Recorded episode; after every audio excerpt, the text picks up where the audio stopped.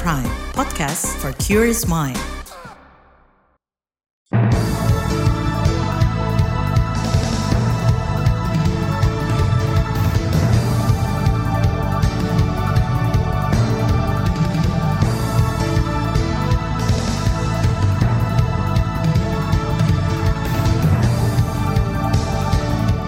Selamat pagi saudara, berjumpa kembali melalui program Buletin Pagi edisi Kamis 15 Februari 2024 bersama saya Naomi Liandra.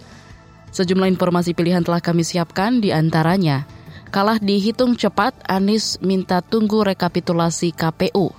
Diduga kelelahan petugas KPPS di Kabupaten Tangerang meninggal. Sari kunyit jadi tanda jari warga di Cirebon usai pencoblosan. Inilah buletin pagi selengkapnya terbaru di Buletin Pagi. Saudara hasil pemilihan presiden Pilpres 2024 menunjukkan pasangan calon presiden dan calon wakil presiden nomor urut 2, Prabowo Subianto, Gibran Raka Buming Raka, unggul sementara dalam perolehan hitung cepat atau quick count sejumlah lembaga survei, seperti Litbang Kompas, LSI, Indikator, Carta Politika, hingga SMRC. Hingga malam tadi pasangan Prabowo Gibran meraih suara 56 hingga 58 persen, atau unggul jauh dari pasangan nomor urut 1 Anies Baswedan Muhaimin Iskandar di sekitar 24 persen dan pasangan nomor urut 3 Ganjar Pranowo Mahfud MD di kisaran 17 persen. Sementara itu hasil sementara rekapitulasi suara atau real count yang dilakukan KPU malam tadi menyatakan pasangan Prabowo Gibran juga masih unggul. Menanggapi hasil hitung cepat, Capres nomor urut 1 Anies Baswedan meminta semua pihak, terutama para pendukung Amin untuk tidak buru-buru menyimpulkan hasil pemilu berdasarkan metode quick count. Dia mengingatkan agar seluruh masyarakat Indonesia menghormati dan menunggu proses penghitungan resmi di KPU selesai. Jangan kita tergiring untuk segalanya cepat-cepat. Orang harus sekarang, harus disimpulkan sekarang. Kasih waktu pada KPU untuk kerja. Jangan kita tergiring untuk harus segalanya cepat sekarang. Kita tunggu sampai KPU tuntas. Sementara itu Capres nomor urut 2 Prabowo Subianto merasa bersyukur dengan hasil hitung cepat yang menempatkan dirinya dan Gibran unggul sementara. Namun Prabowo mengingatkan agar tim dan pendukungnya tidak sombong terhadap hasil hitung cepat. Dia meminta agar seluruh pihak menunggu perhitungan resmi KPU. Saya akan memimpin bersama Saudara Gibran akan mengayomi, akan melindungi, akan membela seluruh rakyat Indonesia. Apa pun sukunya, apa pun kelompok etnisnya, apa pun rasnya, apa pun agamanya, apa pun latar belakang sosialnya, seluruh rakyat Indonesia akan menjadi tanggung jawab kami untuk menjaga kepentingannya. Prabowo mengatakan kemenangan sementara yang diraih pasangan 02 untuk rakyat Indonesia. Menteri Pertahanan ini juga berjanji akan merangkul semua unsur guna bersama-sama memajukan Indonesia. Sementara itu calon presiden nomor urut 03 Ganjar Pranowo merespon santai hasil hitung cepat sementara atau quick count sejumlah lembaga survei. Ganjar menyebut pihaknya terus mengikuti perkembangan perhitungan resmi dari KPU yang terus berlangsung. Pihaknya mempertanyakan kembali ke awak media soal keyakinan perolehan dari pasangan nomor 03. Tidak ada perjuangan yang sia-sia dan tentu saja semua masih semangat dan kita juga semangat tadi saya dikasih informasi dari seluruh Indonesia dari hasil-hasil yang ada dan sekarang lagi diakumulasikan nantinya eh, di partai wabil khusus yang di PDI Perjuangan maka kita tunggu saja nanti yang sifatnya teknis kawan-kawan TPN yang sedang menyiapkan. Kamu percaya nggak suara saya segitu? Iya. Percaya nggak? Percaya. Oke. Calon Presiden nomor urut 03 Ganjar Pranowo juga mengatakan seluruh petugas pemungutan suara hingga saksi dari seluruh partai politik seluruh Indonesia sedang berjuang menghitung hasil perolehan suara dan hal tersebut perlu diapresiasi.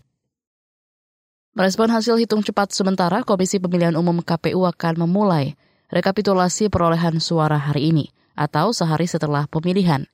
Komisioner KPU Idam Holik mengatakan rekapitulasi akan dilakukan secara berjenjang. Dan sebagaimana yang diketahui oleh publik, quick count itu menggunakan metodologi ilmiah, dalam hal ini menggunakan metodologi statistik, tetapi Undang-Undang Pemilu itu memerintahkan KPU melakukan rekapitulasi secara berjenjang mulai dari BPK sampai dengan KPU Republik Indonesia. Oleh karena itu, secara resmi mari kita tunggu proses rekapitulasi secara berjenjang.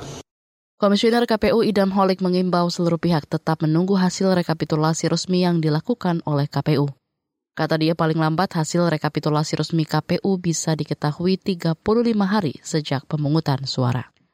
Senada disampaikan pengamat politik yang juga Direktur Rumah Politik Indonesia Fernando Emas, dia meminta seluruh peserta dan masyarakat Indonesia menunggu penghitungan resmi dari KPU.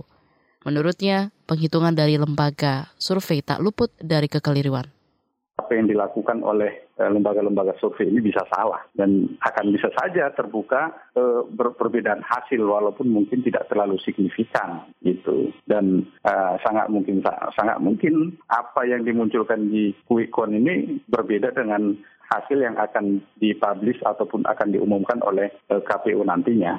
Direktur Rumah Politik Indonesia Fernando Emas menilai penyelenggaraan pemilu 2024 berjalan lancar meski diakui banyak dugaan tindak kecurangan dan intimidasi pihak tertentu untuk memenangkan salah satu paslon di lapangan. Untuk menang satu putaran selain harus meraih lebih 50 persen suara, paslon harus dapat menguasai lebih dari 50 persen jumlah provinsi dengan raihan suara minimal 20 persen suara. Saudara, pakar hukum tata negara Ferry Amsari menilai pemilu 2024 syarat rekayasa tetaplah di Buletin Pagi KBR. You're listening to KBR Pride, podcast for curious mind. Enjoy!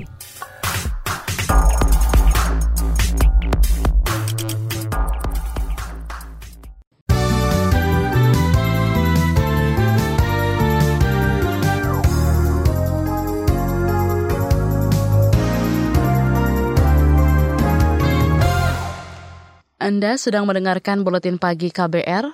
Kita ke berita pemilu. Kabar Pemilu. Kabar Pemilu. Pemilu adalah pesta rakyat. Itu disampaikan Jokowi usai melakukan pencoblosan di tempat pemungutan suara TPS 10 Gambir, Jakarta Pusat kemarin. Ya ini adalah pesta demokrasi. Kita berharap ini betul-betul menjadi pestanya rakyat dan juga berlangsung dengan jurdil, dengan luber dan diikuti oleh seluruh rakyat Indonesia dengan kegembiraan karena ini ada pesta, pesta rakyat, pestanya rakyat, pesta demokrasi. Terkait adanya dugaan kecurangan, Presiden Jokowi meminta semua pihak bisa menyelesaikannya sesuai mekanisme yang ada, semisal di Bawaslu hingga di Mahkamah Konstitusi MK. Sementara itu, Wakil Presiden Maruf Amin berharap agar pemilu ini menghasilkan para pemimpin yang mampu membawa bangsa Indonesia menjadi lebih maju dan sejahtera. Wapres berpesan kepada para pemimpin yang terpilih nantinya agar dapat merangkul seluruh pihak, baik yang mendukung maupun tidak mendukungnya. Pesannya itu supaya dia bisa membawa negara ini dan merangkul semua ya pihak baik yang mendukung maupun yang tidak mendukung jadi menjadi pemimpin bangsa secara keseluruhan bukan pemimpin kelompok. Wapres Maruf Amin juga berharap hasil pemilu bisa diterima semua pihak. Masih terkait pemilu, pakar hukum tata negara dari Universitas Andalas Ferry Amsari menilai proses demokrasi di Indonesia telah direkayasa dan demokrasi sedang berjalan mundur luar biasa. Termasuk kata dia salah satunya soal hasil proses pemilu kali ini bahwa demokrasi ini penuh kecurangan dan orang-orang yang sedang memainkan perannya menekan dengan algoritma, melaporkan kepada pihak berwajib, lalu merekayasa pemilu, merekayasa aparat, aparat terlibat dan segala macam, itulah yang harus dilawan dan menurut saya kenikmatannya ya di sana kita bisa membuktikan bahwa kecurangan itu betul-betul berjalan dan bersama-sama berjuang untuk membuktikan uh, kecurangan pemilu itu. Ferry Amsari adalah salah satu dari tiga pakar hukum yang menjadi pemeran film dokumenter dugaan kecurangan pemilu Dirty Vote. Ferry dan keempat orang lain, yakni Zainal Arifin Muhtar, Bivitri Susanti, dan Dandi Laksono, dilaporkan ke polisi karena dianggap telah merugikan salah satu pasangan capres-cawapresnya. Kita ke berita hukum. Kapolri Listio Sigit Prabowo mengklaim situasi keamanan dan ketertiban masyarakat Kamtipmas di Indonesia saat pencoblosan pemilu 2024 relatif aman dan terkendali. Itu disampaikan Kapolri saat meninjau pelaksanaan pengamanan pemilu serentak kemarin. Dan alhamdulillah uh, sampai saat ini semuanya berjalan aman, terkendali dan tentunya kita akan terus mengikuti sampai dengan rangkaian pencoblosan selesai, penghitungan, dan kemudian pasca itu dampak-dampak apa yang tentunya harus kita antisipasi untuk menjaga stabilitas kamtipmas yang ada. Kapolri Listio Sigit Prabowo menyampaikan telah menerjunkan 260 ribu personil gabungan Polri dan TNI untuk mengamankan gelaran pemilu tahun ini. Kita ke soal lain, Kementerian Kesehatan menekankan pentingnya petugas kelompok penyelenggara pemungutan suara KPPS peduli akan kesehatan baik fisik maupun mental saat menjalankan tugas pada pemilu ini. Staf teknis komunikasi kesehatan Kemenkes Ngabila Salama meminta petugas KPPS yang merasakan keluhan kesehatan untuk segera memeriksakan diri. Setiap ada keluhan apa pun, baik itu fisik ataupun mental dan juga uh, fisik yang uh, ringan saja, jangan tunda, jangan malu, jangan ragu, agar segera ke puskesmas atau RSUD terdekat, karena kami sudah bersiaga untuk memberi terapi segera pada petugas KPPS ataupun partisan pemilu yang uh, memiliki gejala fisik dan mental sesuai instruksi Dinas Kesehatan. Staf teknis komunikasi kesehatan Kemenkes Ngabila Salama juga mendorong anggota KPPS melakukan tindakan pencegahan penyakit semisal memerhatikan pola makan dan mengelola stres dengan cara berbagi tugas dengan baik dan saling toleransi dengan sesama anggota lainnya. Dikutip dari antara seorang petugas kelompok penyelenggara pemungutan suara KPPS di Kabupaten Tangerang, Banten, dilaporkan meninggal semalam. Belum dinyata, sebelum dinyatakan meninggal, petugas KPPS itu tidak sadarkan ketika proses penghitungan surat suara tengah berlangsung. Petugas KPPS berusia 44 tahun itu diduga meninggal akibat kelelahan saat melaksanakan tugas pada pemilu 2024. Kita ke berita ekonomi. Menteri Badan Usaha milik negara BUMN Erick Thohir menyebutkan pemilu 2024 diharapkan bisa memberikan kepastian dan stabilitas bagi dunia usaha. Kata dia, iklim investasi akan makin membaik lantaran pengusaha dan investor tidak ragu memulai bisnis di Indonesia. Kalau pelaku usaha pasti kan mencari stabilitas ya bagaimana ekonomi kita terus tumbuh ya pengangguran dikurangin kemiskinan dikurangin gitu. Ya kan gitu. Kan kita hadir sebagai negara juga untuk semua rakyat Indonesia Menteri Erik mengatakan pemerintah terus berupaya untuk membuka lapangan kerja baru dan program-program lainnya yang bertujuan untuk kesejahteraan rakyat Indonesia. Keberita mancanegara, Pemerintah Thailand menyatakan eks Perdana Menteri Thaksin Sinawatra akan segera dibebaskan dari penjara. Dikutip dari AFP, Menteri Kehakiman Tawe Sotsong mengatakan bahwa bekas Perdana Menteri berusia 74 tahun itu termasuk di antara 930 tahanan yang diberikan pembebasan awal oleh pemerintah. Sebelumnya Sinawatra dipenjara pada Agustus tahun lalu setelah terbukti melakukan tindak pidana korupsi dan menyalahgunakan kekuasaan. Dia mulanya difonis 8 tahun penjara, namun vonis itu dikurangi jadi satu tahun oleh Raja Maha Longkorn. Hukuman terhadap Sinawatra diberikan setelah dia pulang ke Thailand pada Agustus tahun lalu, usai 15 tahun mengasingkan diri di luar negeri. Kita ke berita olahraga. Tim putra Indonesia melibas Uni Emirat Arab di laga kedua grup D Badminton Asia Team Championship BATC 2024. Tim Merah Putih menang 5-0. Bermain di Shah Alam Malaysia kemarin, Indonesia melawan UEA pada laga kedua grup D. Membawa modal kemenangan atas Arab Saudi di laga pertama, Leo Daniel dan kawan-kawan bisa kembali menang. Melawan UEA, Indonesia membuka kemenangan lewat Chico Aura Dwi Wardoyo. Tunggal putra itu mengalahkan Somi Romdani dua game langsung 21-11, 21-15. Leo Roli Karnando, Daniel Martin hingga Alwi Farhan bisa menang meyakinkan atas lawan-lawannya. Lalu Rahmat Hidayat, Yeremia Rambitan, serta Alfi Hairullah unggul mudah. Hasil ini membuat Indonesia menyamai Korea Selatan yang juga mengemas dua kemenangan di grup D Badminton Asia Team Championship BATC 2024. Selanjutnya hari ini Indonesia tinggal melawan Korea Selatan di partai terakhir. Di bagian berikutnya kami hadirkan laporan khas KBR tentang tsunami kritik pemerintahan Jokowi. Tetaplah di Buletin Pagi KBR. You're listening to KBR Pride, podcast for curious mind. Enjoy!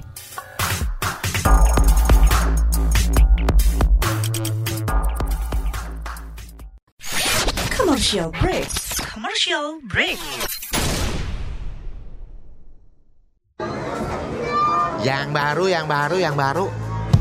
Tidak ada yang lebih baru dari kabar baru. Cukup 5 menit bisa perbaharui informasi kamu. Cukup 5 menit berita terbaru ada di genggamanmu. 5 menit sayang untuk dilewatkan karena kabar baru diramu dengan kualitas jurnalistik terbaik didukung puluhan reporter dan kontributor di Jakarta dan berbagai kota di tanah air. Simak hanya di kbrprime.id. Cukup search kabar baru, kamu akan dapatkan informasi teraktual dalam 5 menit.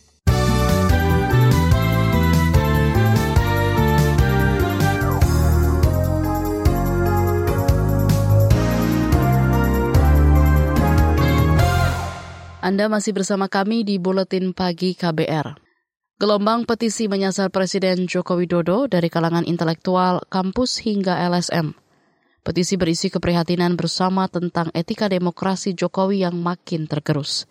Apakah gerakan tersebut berdampak? Simak laporan khas KBR yang disusun Hoirunisa. Kami menyesalkan tindakan-tindakan menyimpang yang justru terjadi pada masa pemerintahan Presiden Jokowi yang juga merupakan bagian dari keluarga besar Universitas Gajah Mada atau UGM. Itu tadi Guru Besar Ilmu Psikologi UGM Yogyakarta, Kuncoro, saat membacakan petisi Bulak Sumur. Petisi salah satunya menyinggung pelanggaran etika di Mahkamah Konstitusi MK hingga prinsip netralitas pemilu 2024. Petisi Bulak Sumur melibatkan berbagai sivitas akademika UGM, dari guru besar, dosen, hingga mahasiswa melalui petisi Bulak Sumur. Mereka menyebut perilaku Presiden Joko Widodo sudah menyimpang dari demokrasi tindakan Presiden Jokowi justru menunjukkan bentuk-bentuk penyimpangan pada prinsip-prinsip dan moral demokrasi, kerakyatan, dan keadilan sosial yang merupakan esensi dari nilai-nilai Pancasila. Karena itu, melalui petisi ini, kami segenap sivitas akademika Universitas Gajah Mada meminta, mendesak, dan menuntut segenap aparat penegak hukum dan semua pejabat negara dan aktor politik yang berada di belakang Presiden, termasuk Presiden sendiri, untuk segera kembali pada koridor demokrasi. Petisi Bulak Sumur mengingatkan Jokowi yang merupakan alumni UGM agar berpegang pada jati diri perguruan tinggi yang menjunjung tinggi nilai Pancasila dan turut memperkuat demokrasi. Gerakan protes kampus juga datang dari Universitas Islam Indonesia atau UII hingga Universitas Indonesia atau UI. Hal ini disampaikan Ketua Dewan Guru Besar UI, Har Kristuti Har Krisnowo, pekan lalu. Kami kembali terpanggil untuk menabuh genderang, membangkitkan asa, dan memulihkan demokrasi negeri yang terkoyak. Negeri kami nampak kehilangan kemudi akibat kecurangan dalam perebutan kuasa nihil etika, menggerus keluhuran budaya, serta kesejatian moral bangsa. Kami, warga dan alumni Universitas Indonesia, prihatin atas hancurnya tatanan hukum dan demokrasi. Presiden Joko Widodo menanggapi dingin gelombang kritik yang datang. Jokowi menilai hal itu hak demokratis setiap warga negara. Ya, itu itu hak demokrasi. Setiap orang boleh berbicara, berpendapat, silahkan. Ya. Sementara itu, Koordinator Staf Khusus Presiden Ari Dwi Payana menyebut gerakan petisi dari berbagai perguruan tinggi menjadi vitamin untuk memperbaiki kualitas demokrasi Indonesia. Selain dari kampus, ada sekitar 145 lembaga swadaya masyarakat atau LSM dan 130-an individu menekan petisi, memprotes dan mempersoalkan pencalonan Prabowo Subianto dan Gibran Raka Buming Raka dalam pemilu presiden. Petisi tersebut telah dibacakan dalam aksi Kamisan ke-804 di depan Istana Negara Jakarta Pusat awal Februari lalu. Koalisi Masyarakat Sipil menyebut Indonesia dibangun dan didirikan tidak untuk segelintir orang, kelompok atau keluarga, melainkan untuk kepentingan seluruh rakyat. Ketua Badan Pengurus Nasional PBHI Julius Ibrani menilai gerakan seluruh LSM dan akademika merupakan ledakan akhir dari segala kecurangan pemilu yang kian vulgar. Gerakan-gerakan berbagai macam elemen ini terjadi secara mandiri dan secara sporadik yang pertama. Nah, karena gerakan ini mandiri dan sporadik berdasarkan pada kesadaran bersama, suatu saat nanti, suatu pada saatnya menjelang pencoblosan itu akan menjadi gerakan bersama di satu waktu yang sama, di titik yang sama, Indonesia. Nah, oleh karena itu, sebetulnya Presiden Joko Widodo harus merespon gerakan ini, menghentikan kecurangan-kecurangan yang dilakukannya, harus menghentikan berbagai macam pelanggaran yang dilakukannya demi bangsa dan negara. Dia harus mundur dari jabatannya atau masyarakat akan memaksakan pemakzulannya lewat DPR dengan cara menduduki DPR RI. Demikian laporan khas KBR, saya Hoirun Nisa. Informasi dari berbagai daerah akan hadir usai jeda. Tetaplah bersama Buletin Pagi KBR. You're listening to KBR Pride, podcast for curious mind. Enjoy!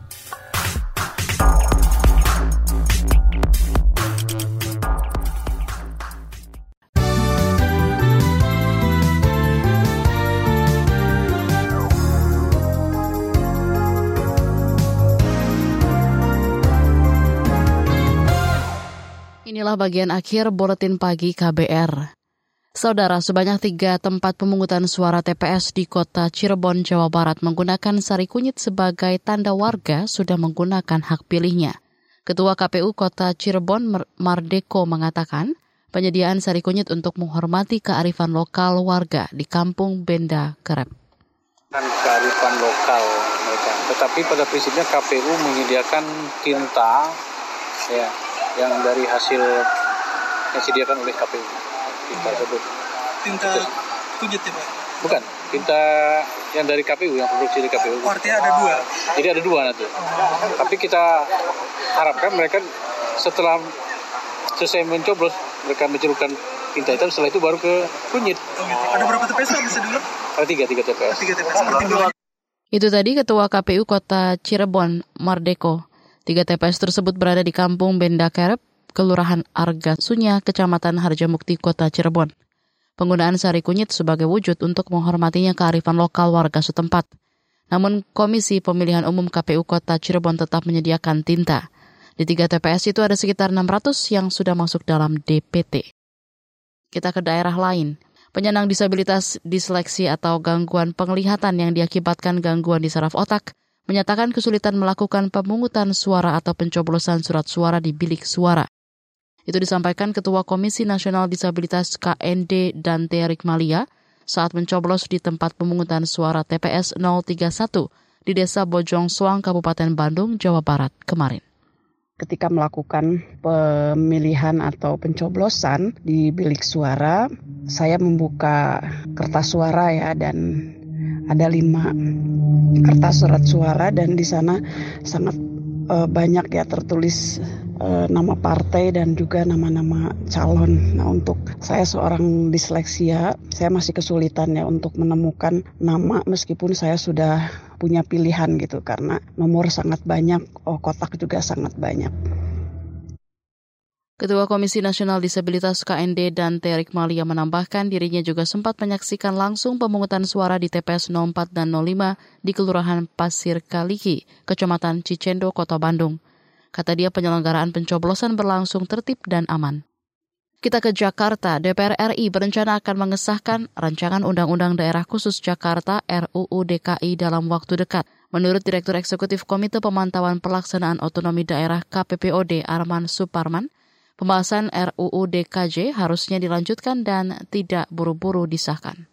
Nah, memang persisnya kalau kita lihat di apa namanya target dari Undang-Undang IKN kemarin, ya awal-awal tahun 2024 ini mestinya kita sudah memiliki, sudah siap dengan undang-undang yang baru gitu, undang-undang DKJ eh, daerah khusus Jakarta gitu ya. Karena nanti kalau misalnya sudah ada surat eh, keputusan presiden soal pemindahan, kayak juga harus punya undang-undang yang baru gitu Mbak. Jadi itu kenapa kita semuanya itu, kenapa kita memiliki memiliki undang-undang yang baru itu karena memang amanat atau implikasi lanjut dari undang-undang IKN gitu. Direktur Eksekutif Komite Pemantauan Pelaksanaan Otonomi Daerah KPPOD Arman Suparman mendorong agar kepala daerah DKJ tetap dipilih warga. Selain itu dia mendukung agar revisi RUU DKJ sejalan dengan mandat IKN dan memperhatikan kewenangan khusus Jakarta dalam pembangunan dan lingkungan. Informasi tadi menutup jumpa kita di Buletin Pagi hari ini. Pantau juga informasi terbaru melalui kabar baru, situs kbr.id, akun media sosial X kami di @beritaKBR, dan juga podcast di kbrprime.id. Saya Naomi Liandra bersama tim yang bertugas undur diri. Salam.